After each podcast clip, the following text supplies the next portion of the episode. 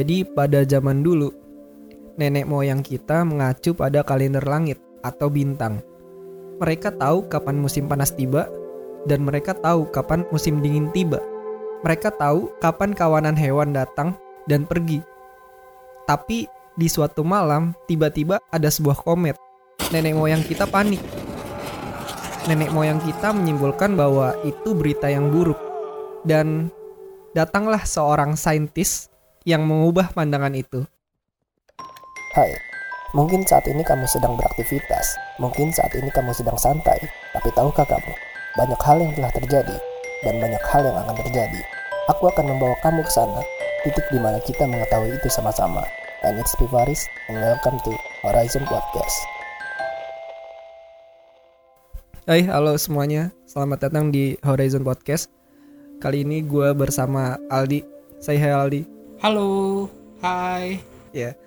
Em, jadi mungkin lo bisa ceritain dulu awalnya gimana? Kenapa tiba-tiba ada suatu komet yang menakutkan bagi nenek moyang kita?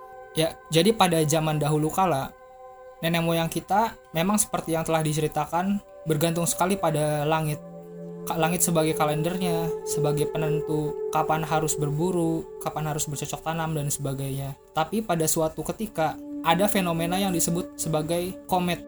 Komet ini pada awalnya bernama disaster. Dalam bahasa Yunani, disaster berarti bintang yang buruk atau bad star.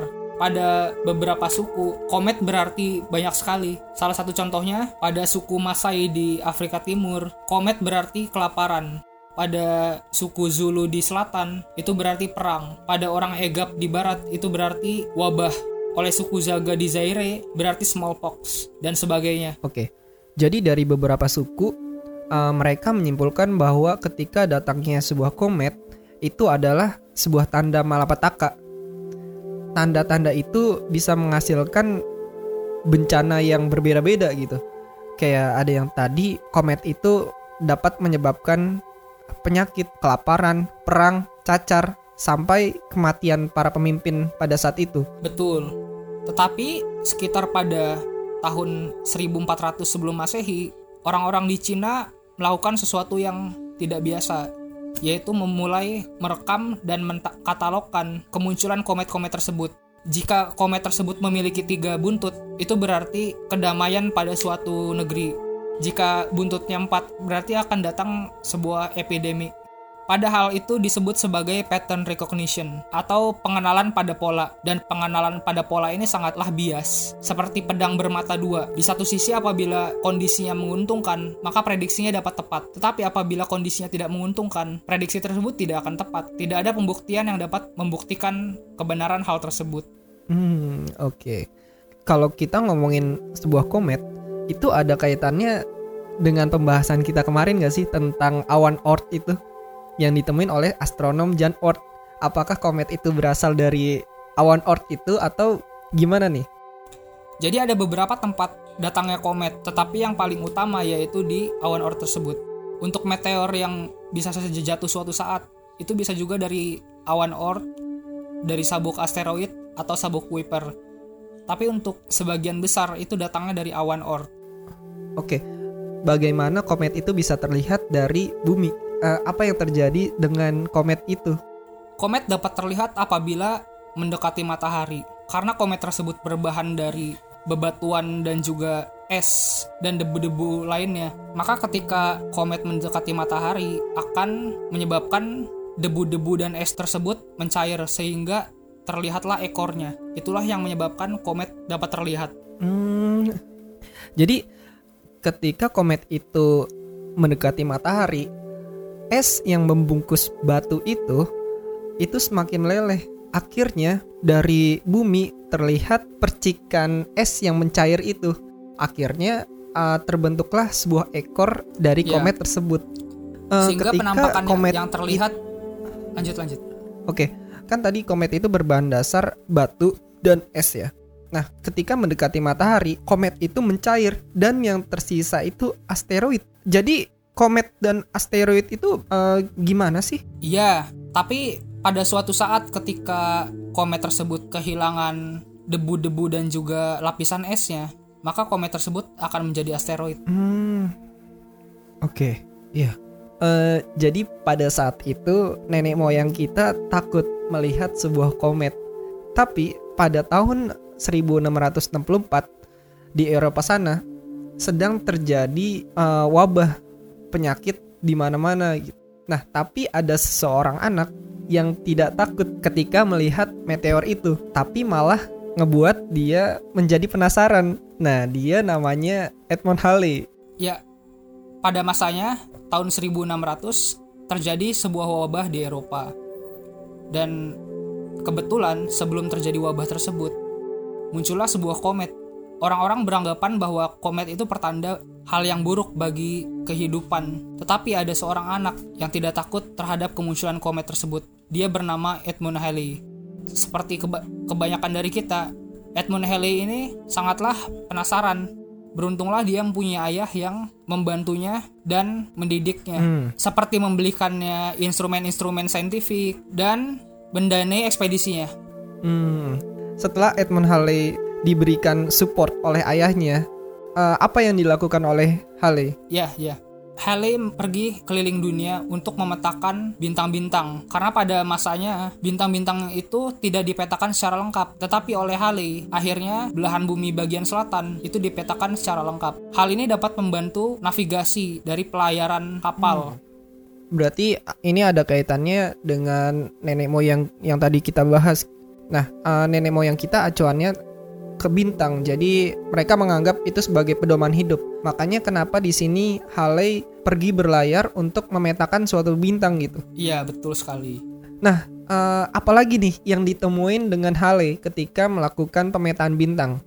Ya, dalam ekspedisinya, Hale mengalami berbagai kesulitan seperti cuaca yang tidak mendukung, terjadi badai, dan lain sebagainya. Tetapi ber- berkat Hale, dewa-dewa dan pahlawan-pahlawan dari Yunani kuno sekarang bergabung dengan banyak benda-benda dan hewan-hewan dari masa modern. Hal ini dapat ditemukan di rasi bintang yang ditemukan oleh Hale. Ya, jadi ketika Halley memetakan sebuah bintang, dia menggabungkan sebuah benda dan hewan ke dalam katalog rasi bintang. Nah, di antaranya ada burung tukan, kompas, dan jangkar. Nah, em, ketika peta itu berhasil diciptakan oleh Halley, peta itu menjadi sensasi dan menarik perhatian. Salah satunya adalah Robert Hooke. Nah, siapa sih Robert Hooke itu di? Ya, Robert Hooke adalah seorang saintis berkebangsaan Inggris yang banyak menghasilkan karya-karya ilmiah. Di antaranya adalah mikroskop, hukum Hooke, dan penemuan tentang istilah sel. Ya, sekedar nambahin penjelasan tentang Hooke yang tadi dijelaskan oleh lu.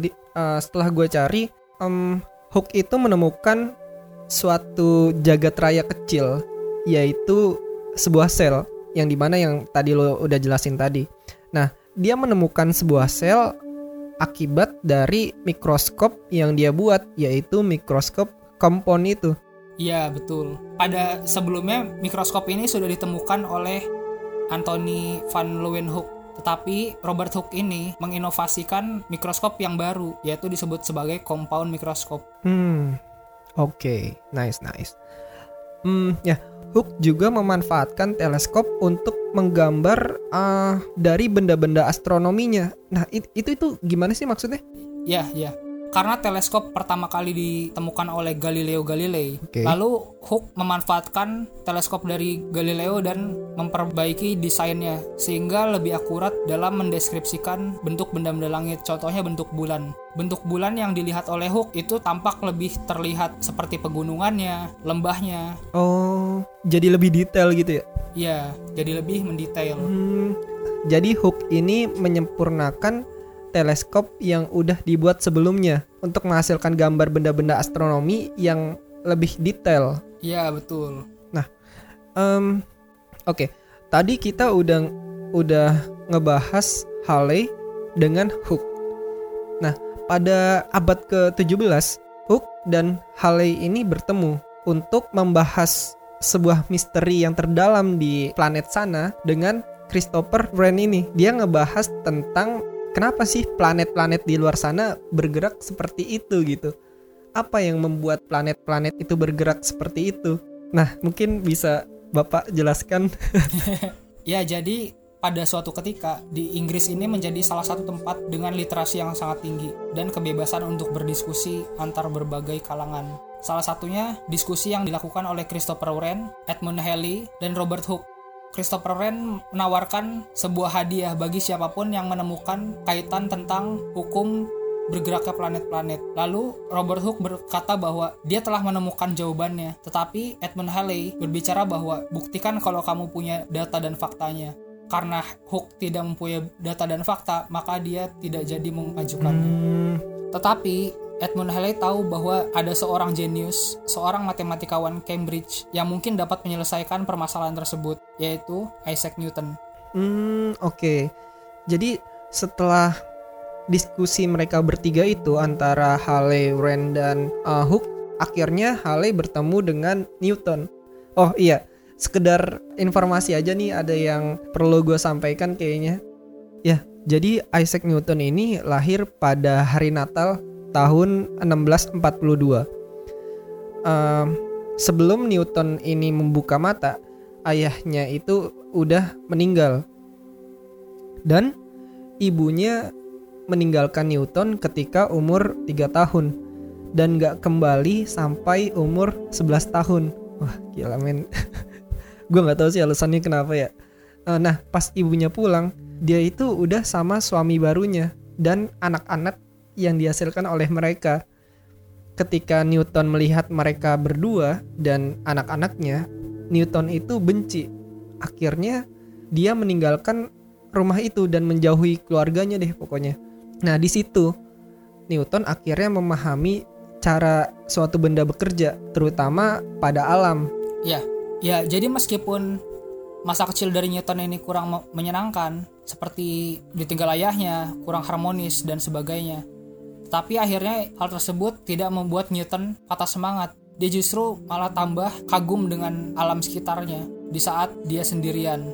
Oh. Lalu, Edmund Halley dan Isaac Newton pada paruh terakhir abad ke-17 di Cambridge melakukan kerjasama. Dan kerjasama yang mereka lakukan memicu diterbitkannya sebuah karya yang sangat fenomenal, yaitu buku Principia.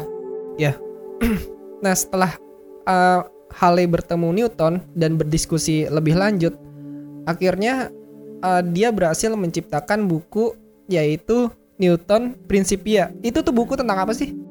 Jadi buku itu singkatnya namanya Principia. Kalau panjangnya itu Filosofi Naturalis Principia Mathematica. Jadi buku ini adalah karya tulis besar pertama yang menjelaskan hukum fisika secara matematis. Karena pada saat sebelumnya hukum fisika tidak dijelaskan secara matematis. Tetapi kali ini Newton berani menjelaskan hukum fisika secara matematis. Meski mendapat tantangan klaim plagiarisme dari Robert Hooke serta kesulitan keuangan yang dialami di Royal Society di London. Wow, keren keren. Um, jadi eh, ada suatu problem ketika ingin mencetak buku itu. Nah, buku itu ingin dicetak di Royal Society, di mana Royal Society itu telah menerbitkan sebuah buku History of Fish. Nah, itu tuh belum balik modal. Akhirnya eh, ya Royal Society ini eh, masih memberatkan untuk mencetak buku Newton Principia ini. Akhirnya dengan tujuan matang Halley, dengan kerja kerasnya Halley, terciptalah buku Newton ini. Oh iya, Jadi pentingnya buat kita apa sih? tentu sangat penting banget eh, tentang buku Principia ini karena yang pertama, buku ini berisi tentang ketiga hukum gravitasi Newton. Di mana hukum ini mendeskripsikan semua gerakan dari benda-benda di alam semesta. Hmm. Berisik tuh. Siapa sih tawa-tawa? Biasa. Oke.